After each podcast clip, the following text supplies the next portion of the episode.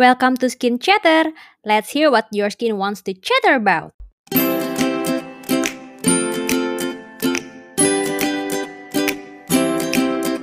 Welcome back to Skin Chatter. Kali ini aku mau ngomongin tentang ingredients-ingredients apa yang sering menjadi hmm, apa ya? Seakan-akan dilarang atau nggak boleh ada sama sekali gitu di dalam produk-produk yang kita gunakan. Kalau kalian ngeh ya, kan suka banyak nih beberapa brand yang uh, di produknya ditulis no apa, no apa, pokoknya tidak mengandung apa, tidak mengandung apa. Nah, salah satu ingredients yang famous gak ada di dalam produk itu adalah paraben. Yap, yap, yap, pasti kalian udah familiar banget lah ya dengan kata-kata paraben ini.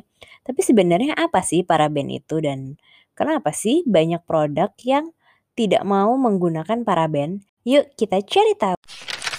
Nah, jadi apa sih sebenarnya paraben itu?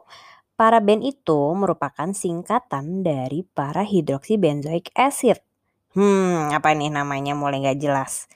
Ya, itu artinya dia adalah sebuah senyawa yang gugus alkil esternya itu bisa berfungsi sebagai pengawet. Contohnya kayak metil paraben, propil paraben, butil paraben. Jadi banyak ya anggota di dalam geng paraben ini. Nah, si geng paraben ini dari dulu banget dari tahun 1950-an itu tuh sudah digunakan sebagai pengawet baik di produk makanan, kosmetik sampai buat obat-obatan.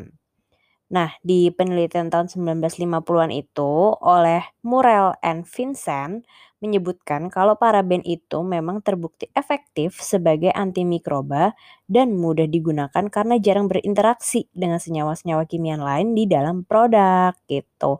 Jadi kalau misalkan pakai paraben sebagai pengawet tuh istilahnya gampang deh buat formulasiin karena dia nggak rewel gitu. Kenapa sih banyak produk yang klaim untuk tidak mengandung paraben atau no paraben. Semua itu sebenarnya berawal dari sebuah penelitian di tahun 2004 dengan judul Concentration of Parabens in Human Breast Tumor oleh tim Dr. Philippa D. Darbre dari Inggris. Penelitiannya ini diterbitkan di Journal of Applied Toxicology dan menemukan adanya jejak-jejak paraben di dalam 20 sampel jaringan tumor payudara.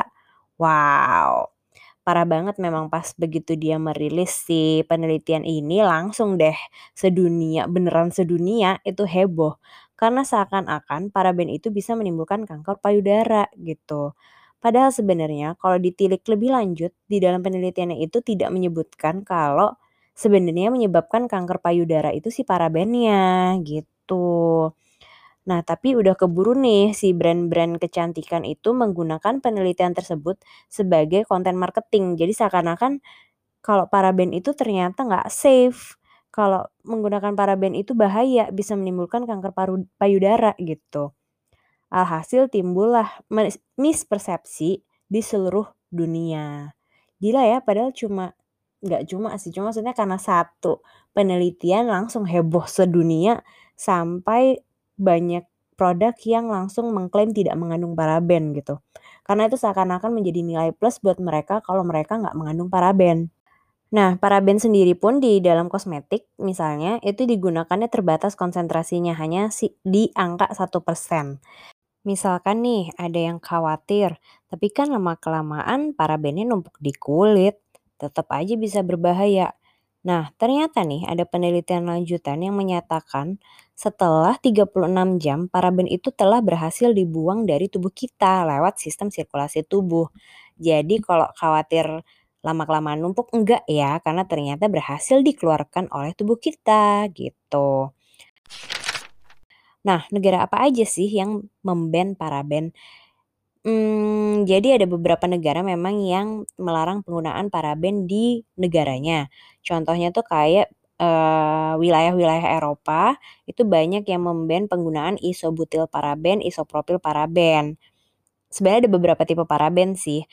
Nah, tapi paraben-paraben ini sebenarnya bukan yang, uh, anggota geng yang sering dipakai. Kalau tadi di-mention kan yang dipakai itu metil propil ya. Jadi ini sebenarnya anggota geng yang berbeda, tapi sama-sama paraben. Sebaliknya, malah justru di Amerika, pada situsnya FDA atau US Food and Drug Administration alias BPOM-nya Amerika, mereka menstate di websitenya, At this time, we do not have information showing that parabens as they are used in cosmetics have an effect on human health. Jadi menurut mereka di kosmetik itu paraben tidak memberikan efek samping terhadap kesehatan manusia. Wow, bahkan mereka nggak melarang loh penggunaan paraben. Pertimbangannya ada beberapa hal nih. Yang pertama, sebenarnya publikasi terkait paraben itu menggunakan metode apa dan apakah bisa dipercaya alias tervalidasi nggak sih sebenarnya?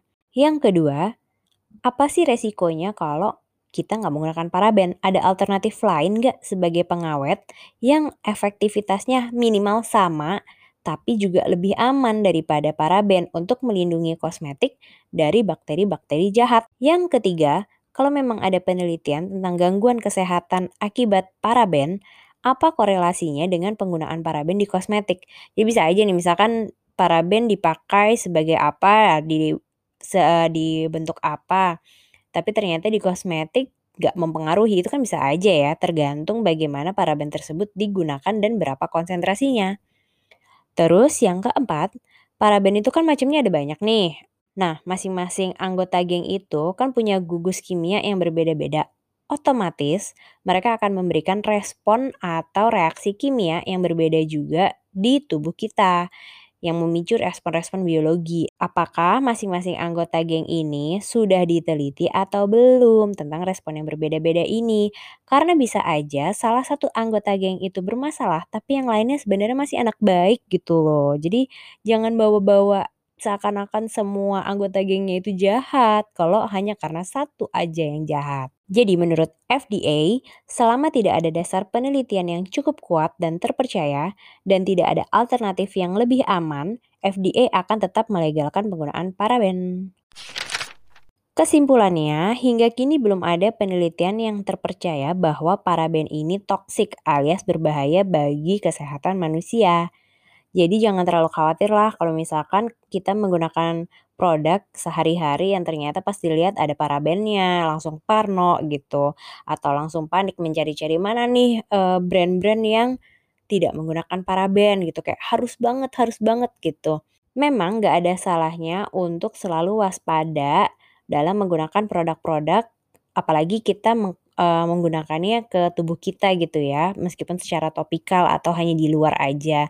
Tapi tetap jangan overthinking Kak, apalagi belum ada bukti secara ilmiahnya gitu. Semoga kita semua selalu dilindungi dari zat-zat berbahaya ya.